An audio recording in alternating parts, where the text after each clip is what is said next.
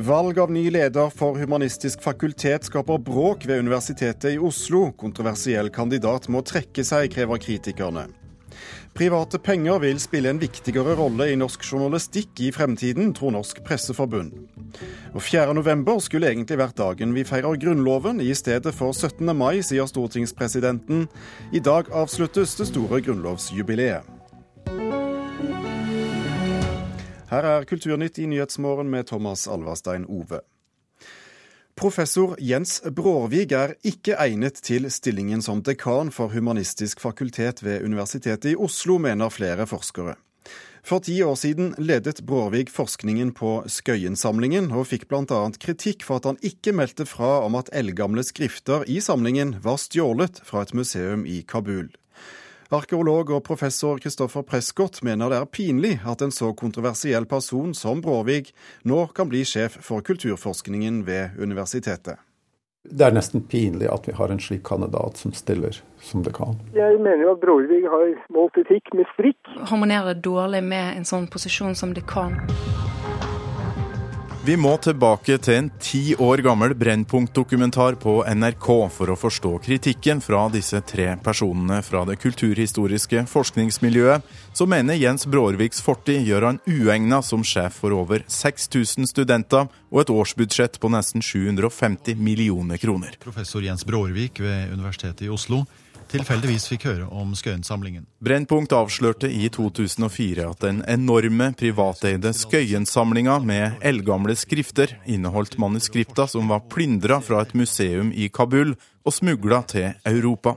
Professor Jens Brårvig var leder for forskninga på Skøyen-samlinga, og innrømte i dokumentaren at han visste om tyvgodset.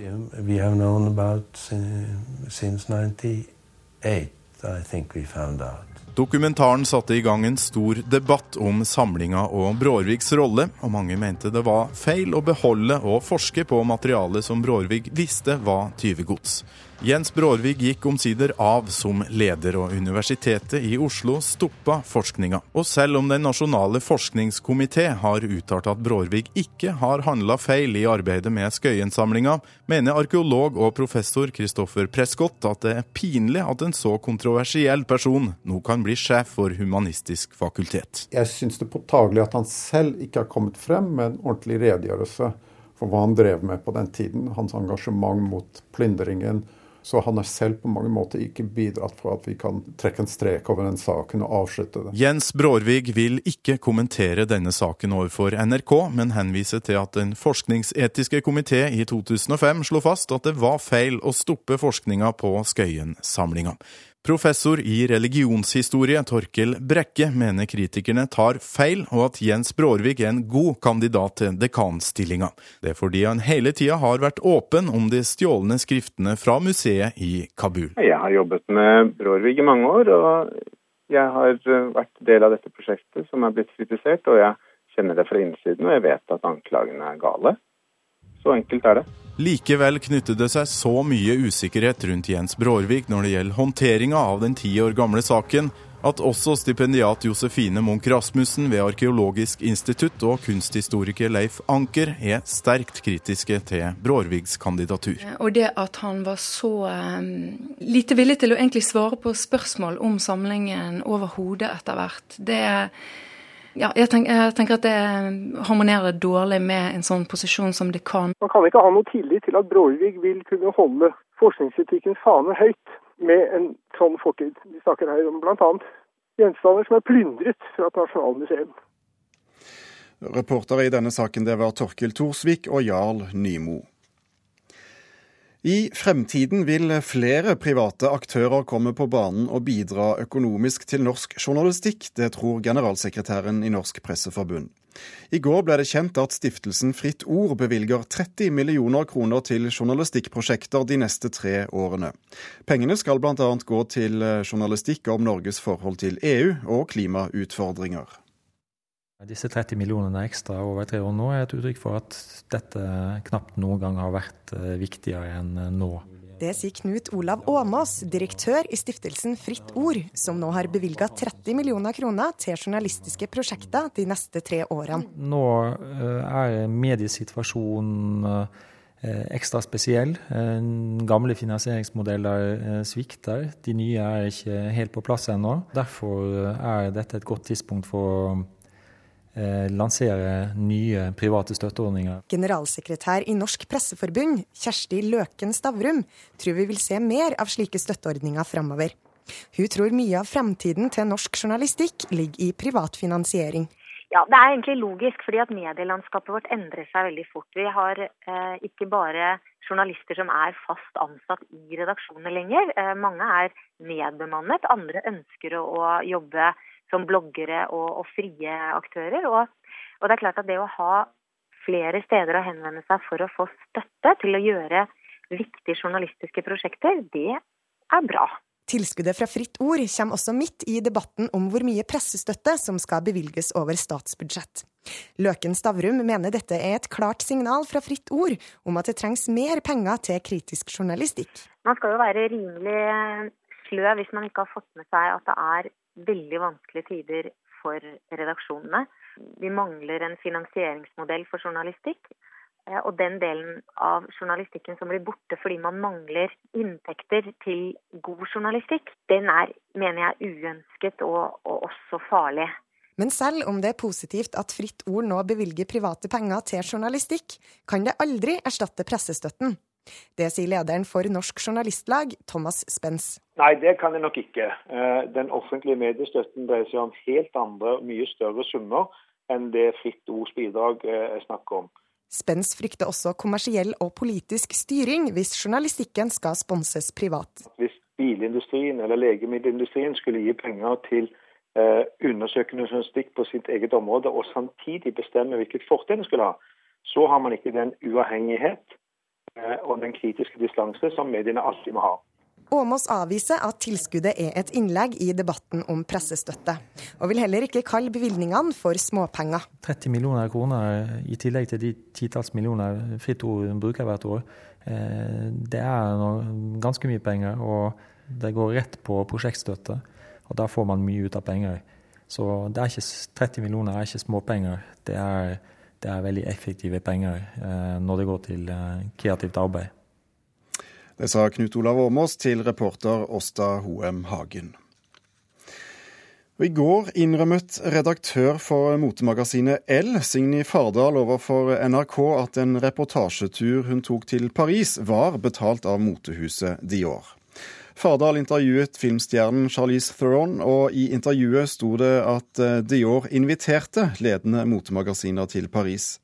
Den siste tiden har det vært flere saker rundt presseetikk i motebladene, sist da tidligere kost eh, kostymredaktør Vanessa Rudjo ble felt i, eh, i PFU. Gunnar Bodal Johansen, ekspert i presseetikk. Produktomtale er en viktig del av innholdet i disse magasinene. Hvordan bør de forholde seg til slike saker? Ja, så Produktomtale er jo ikke bare viktig i, i motebladene, det er jo også viktig i, i, journalistikken generelt. Men vi må jo sette de samme krav til journalistikken i motebladene som vi gjør til journalistikken for øvrig. Nemlig det at de har den nødvendige grad av uavhengighet i forhold til de de skal skrive om. I forlengelsen av det foregående innslaget så er det jo klart at når et, en produsent inviterer noen til Paris for å skrive om det produktet de lanserer, så er jo det sponsede midler til journalistikken. Målrettet og kanskje ikke så sofistikert som de midlene man eventuelt får, får fra Fritt Ord, men vi ser jo allerede her hvilke problemstillinger som dukker opp når andre skal finansiere journalistikken. Ja, for hva er egentlig eh, forskjellen på at Fritt Ord bestiller en, eh, en grundig sak om Norges forhold til EU, og det at eh, Dior ber L skrive om Charlize Therons luktesans? Nei, Det er jo et vanskelig spørsmål å svare på. Det er klart at man kan si at en, en, en, sak om EU eller klimautfordringene har en mye mer viktig, roll, har en viktig funksjon i forhold til samfunnet vi lever i. Men det er klart at uh, i prinsippet så er, handler det jo om at private går inn og finansierer journalistikken. Og det er klart at Når det gjelder motejournalistikken, så, så har den jo etter hvert uh, fått et sånt preg av at man er vel mer opptatt av moter enn man er av journalistikk. Men uh, de presseetiske normene er jo helt klare. Man skal altså sørge for å betale reisene sine selv. Nettopp fordi at man skal ta vare på uavhengigheten. Og så er det veldig viktig at man opplyser om hvem som finansierer, hvis man først gjør det. Eh, altså finansierer reiser og finansierer journalistikken. fordi at det er jo den måten eh, publikum kan vurdere det som kommer ut i den andre enden, altså reportasjene. Motebladene har kanskje en ekstra utfordring i det at de konkurrerer i stadig større grad med, med blogger på nett som, som ikke er omfattet av, av, pressens etiske regler. Hvilke utfordringer skaper det for de tradisjonelle magasinene? Ja, nå er det selvfølgelig sånn at uh, dette er ikke en ny problemstilling. At man har andre der ute som gir blaffen i de presseetiske regler, og som lever sitt liv. Vi har jo hatt det tidligere også. Men det er jo en veldig kortsiktig tanke å si at man nå skal liksom ta hensyn til den konkurransen der ute, og, og, og gå på akkord med de presseetiske regler. Jeg tror at vi nå står i en situasjon i journalistikken hvor vi må mer enn noen gang tidligere tenke langsiktig. Hva er det som har beskyttet journalistikken, eh, uavhengighet eh, og troverdighet, og det må vi ta hensyn til. Eh, men det er klart at vi ser, den, vi ser, den, utfordringen, selvfølgelig gjør vi det. Og den er ikke lett å håndtere, for all del. Det er lettere å håndtere den fra studio i, i, i, i Kulturnytt enn en, en, i den praktiske hverdagen. Men det er en kamp vi må kjempe. og Innenfor det vi kaller de redigerte mediene, så kan vi jo ikke gå på akkord med de presseetiske normene. Fordi de er kontrakten med publikum. Og det er der vi oppretter det, det tillitsforholdet som er nødvendig å ha hvis vi skal drive skikkelig god journalistikk. Vi får ta med oss de rådene. Tusen takk skal du ha for at du var med oss i Kulturnytt, Gunnar Bodal Johansen. Du hører eh, nemlig på Kulturnytt i Nyhetsmorgen i NRK P2 og Alltid nyheter. Klokken den er i ferd med å bli 15 eh, minutter over åtte, og dette er nyhetsoverskriftene nå. Et flertall av FrPs fylkesledere sier ja til å droppe skattelettelser for de rikeste. Ønsket om en kone som kan ta seg av gamle foreldre, gjør at flere norsk-pakistanere henter ektefelle fra Pakistan. Og stadig flere melder inn skader fra flommen på Vestlandet. I dag skjer den siste store markeringen av 200-årsjubileet for Norges grunnlov. 4.11 er dagen som kanskje helst skulle vært eh, Norges nasjonaldag. Stortingspresident Olemic Thommessen, eh, velkommen hit. Hvorfor det? Jo, tusen takk. Eh, nei, det var jo 4.11 at den grunnloven som vi kom til å leve videre med, faktisk ble vedtatt. Den grunnloven som tok utgangspunkt i den som vi har fra 17. mai, men som, som da tilpasset seg unionen med Sverige. Og Karl Johan han eh, ville jo helst at 4. Eh, november skulle være, være nasjonaldagen vår. Det var jo med respekt å melde en skikkelig dårlig idé. i forhold til at det er jo ikke, 17. mai er jo eh, liksom en mye hyggeligere tid på året, da. Men sånn rent formelt så hadde nok Karl Johan kanskje et poeng. Det kan jo framstå som et paradoks at det var en union med Sverige som skulle sikre Norge selvstendighet og, og demokratiske rettigheter. Hvordan gikk det egentlig til? Det var jo sånn at Kiel-traktaten, eh, som var en avtale mellom stormaktene i eh, Nord-Europa, eh, som en følge av napoleonskrigene overførte Norge til, fra Danmark til Sverige. Så fikk vi opprøret som vi kjenner til, Christian Fredrik og hele historien, som jo endte med en kort krig mot Sverige. Og enden på visa var jo at vi var tvunget til å gå inn i den unionen. Den gangen var vi nok ikke så fornøyd med det, men eh, i ettertid tror jeg vi kan se at eh, unionen med Sverige på mange måter var en god tid for Norge. I den forstand at vi fikk bygget opp våre statsinstitusjoner. Vi hadde et ly eh, under en, i, i sam, sammen med Sverige som gjorde at vi fikk på plass det som skulle til for å være en selvstendig nasjon. I 1814 var det nokså skrøpelig stelt uh, her. Uh, mens i 1905 hadde vi da rygg til å gå videre på egen maskin. Så um, den perioden med svenskene var kanskje ikke så dum som vi uh, opprinnelig ville ha det til. Dagen i dag er da den siste store dagen i eh, grunnlovsjubileet og markeres med et uh, rimelig tett program, i hvert fall for din del. Uh, hva husker du best fra året vi nå legger bak oss? Jeg vil nok si at uh, årets 17. mai var en stor opplevelse. Det tror jeg det var for mange. Værgudene så mildt på oss. Vi hadde en fantastisk dag med Og jeg syns også vi fikk satt det nordiske den nordiske rammen om uh, vår nasjonale feiring. Og det syns jeg har vært flott ved denne, ved denne grunnlovsfeiringen. At vi har satt Vi har ikke bare vært opptatt av oss selv. Vi har også feiret at det er 200 år med fred i Norden. Og vi har også sett den norske selvstendigheten inn i en større europeisk sammenheng. Og det syns jeg har vært viktig. Og på 17. mai hadde vi jo besøk av kongefamiliene både fra Sverige og Danmark. Det ga en helhet som jeg syns var veldig bra. Olemic Thommessen, stortingspresident. Vi får ønske god fornøyelse resten av denne jubileumsdagen. Tusen takk for at du kom innom Kulturnytt. Takk for det.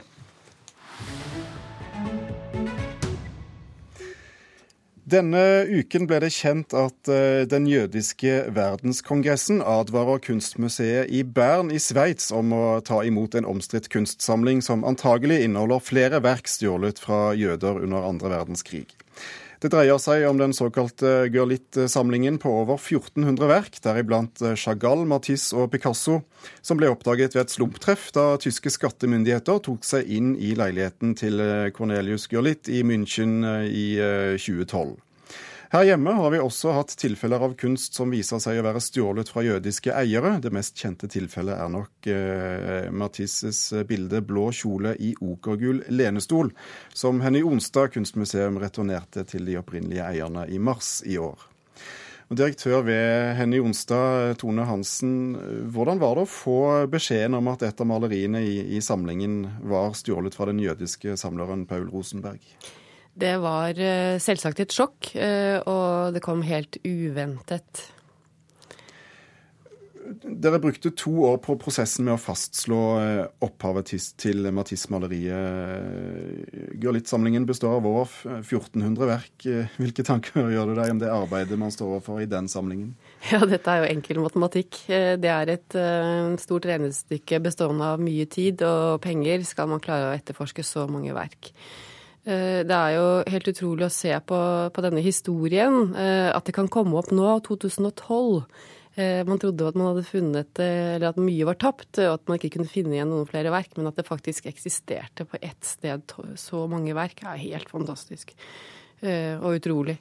Eh, men det er altså en ganske smertefull og lang prosess eh, å, å, finne informasjon om så mange verk. Og man får jo huske på det at dette er analoge arkiver. Det er ikke å sette seg ned og google hvert bilde og finne, finne eieren. Her skal man inn i en rekke arkiver på tvers av landegrenser for å finne informasjon. Ja, har et museum eh, som Kunstmuseet i Bern muskler til å, å, å stå for en slik jobb? Nå er jeg ikke sikker på om det er de som skal gjennomføre dette, eller om det er tyske myndigheter som skal ta seg av dette før det blir eh, donert dit. Men det er jo også en delikat sak at verken skal forlate Tyskland og da over til, til eh, Sveits, hvis det er det som, som, kommer til å skje. Så det er, det er, litt av en giftig gave, dette her. Det er en stor utfordring for et museum å ta imot noe sånt som dette. Ja, for Verdenskongressen eh, truer med et eh, ras av søksmål om museet tar imot gaven. Eh, hva tror du kan komme til å skje med maleriene til slutt? Det er, det er, jo mange fortellinger inni en sånn historie som dette her, som både er personlige og de tilhører familier. Så det er, det er, utrolig mange hensyn som skal tas når man skal gjennomgå sånne saker. Og vi vet jo det at et av maleriene i, i Gurlit-samlingen kommer fra samme lager samme samling som eh, på Rosenberg gjemte i Born, som, som vårt Matisse-maleri. Eh, og som jeg vet at den familien nå eh, har bedt om å få returnert. Så det er allerede saker i gang rettet direkte mot de mest verdifulle arbeidene i denne Gurulitz-samlingen. Så jeg tror at de kan vente seg en lang rekke saker før disse verkene kan gå inn i et offentlig museum.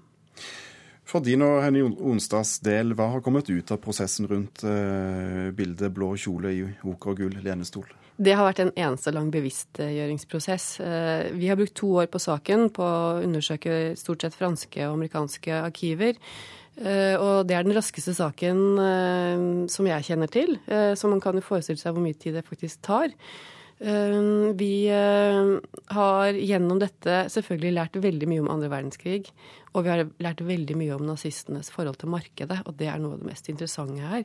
Hvordan de på den ene siden degenererte kunst, altså gjorde den til noe som var ikke-kunst, noe som skulle vekk fra museene, og samtidig tjente penger på denne kunsten. Eh, helt nådeløst. Et paradoks der til slutt. Tusen takk skal du ha, eh, Tone Hansen, direktør ved Henny Jonstad kunstmuseum. Den nye TV-kanalen til VG får plass nummer sju på fjernkontrollen hos Kanal Digitals kabel-TV-kunder. Det vekker kraftige reaksjoner hos konkurrenten TV 2 Nyhetskanalen, som får plass 27. I maktkampen mellom TV-kanaler og distributører er det ikke uvanlig at kanalplassering brukes som forhandlingskort, fordi kanalene med lavest nummer på fjernkontrollen blir mest sett, skriver Dagens Næringsliv. VG lanserer eksklusivt for Kanal Digitals eh, TV-kunder førstkommende lørdag. Munch-museet er i gang med å styrke staben. I fjor ble 16 årsverk fjernet etter at eh, Oslo bystyre vedtok å skrinlegge Lambda, men nå har museet lyst ut sju nye stillinger, skriver Aftenposten. Museumsdirektør Stein Olav Henriksen sier til avisen at det uten tvil blir behov for flere ansatte fremover, ettersom det nye Munch-museet blir fire ganger så stort som dagens.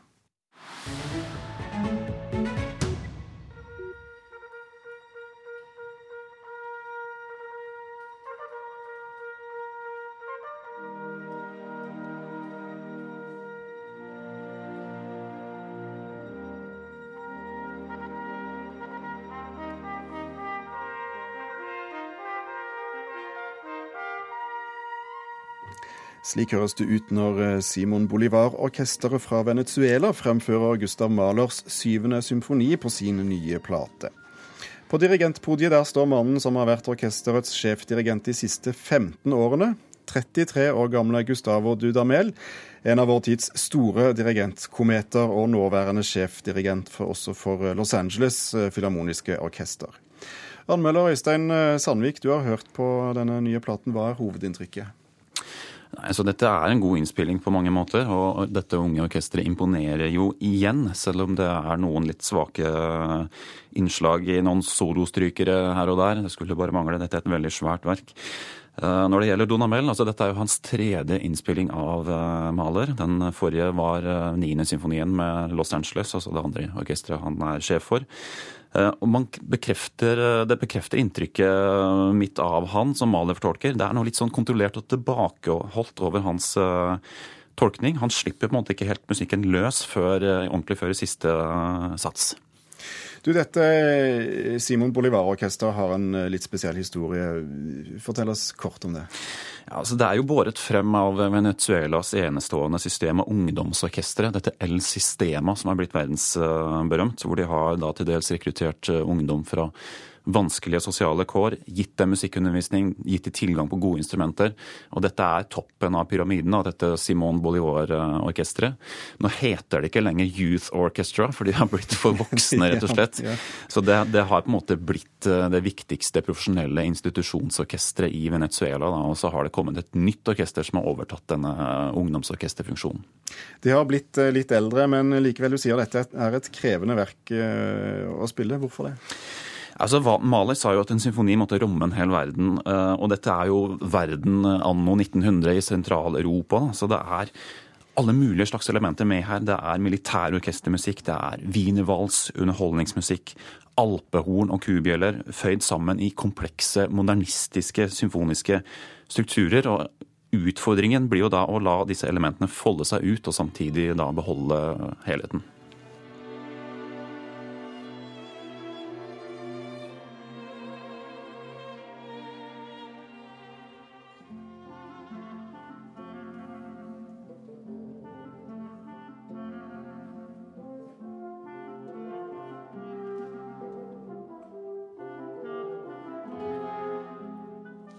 Dette er fra fjerde sats, nart Nachtmusik fra Malers eh, syvende symfoni, med Simon Bolivar Orkester, altså, under ledelse av Gustavo Dudamel. Eh, hvordan låter dette, syns du, Øystein Sandvik?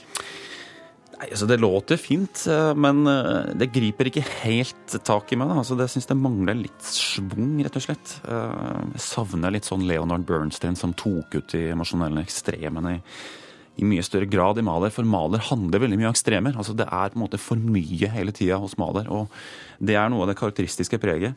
Så jeg syns Dudamel kunne ha gått lenger i å hente ut uttrykkspotensialet i disse forskjellige stilelementene som Maler hele tida driver og sjonglerer med på en litt sånn eh, til dels ironisk måte. Hvorfor tror du han har dette litt eh, tilbakeholdende preget? Altså, han har jo rykte på seg for å være en dirigent med Eller han er en dirigent med veldig mye energi. Og, jeg tror kanskje det er Det er helt sikkert et bevisst tolkningsvalg. Altså, han øh, vil kanskje styre litt unna disse klisjeene som han lett får for seg da, når latinamerikanere skal gjøre sentraleuropeisk musikk. Han vil gjøre en sober maler. Han vil jobbe grundig med orkesteret. Han vil på en måte sette partituret og verket i eh, sentrum, men så ender det da kanskje opp med å bli litt i overkant kontrollert eh, og underspilt. Tusen takk skal du ha, Øystein eh, Sandvik. Vi skal til slutt unne oss litt mer maler med Simon Bolivar-orkesteret og Alexander Dodamel som dirigerer.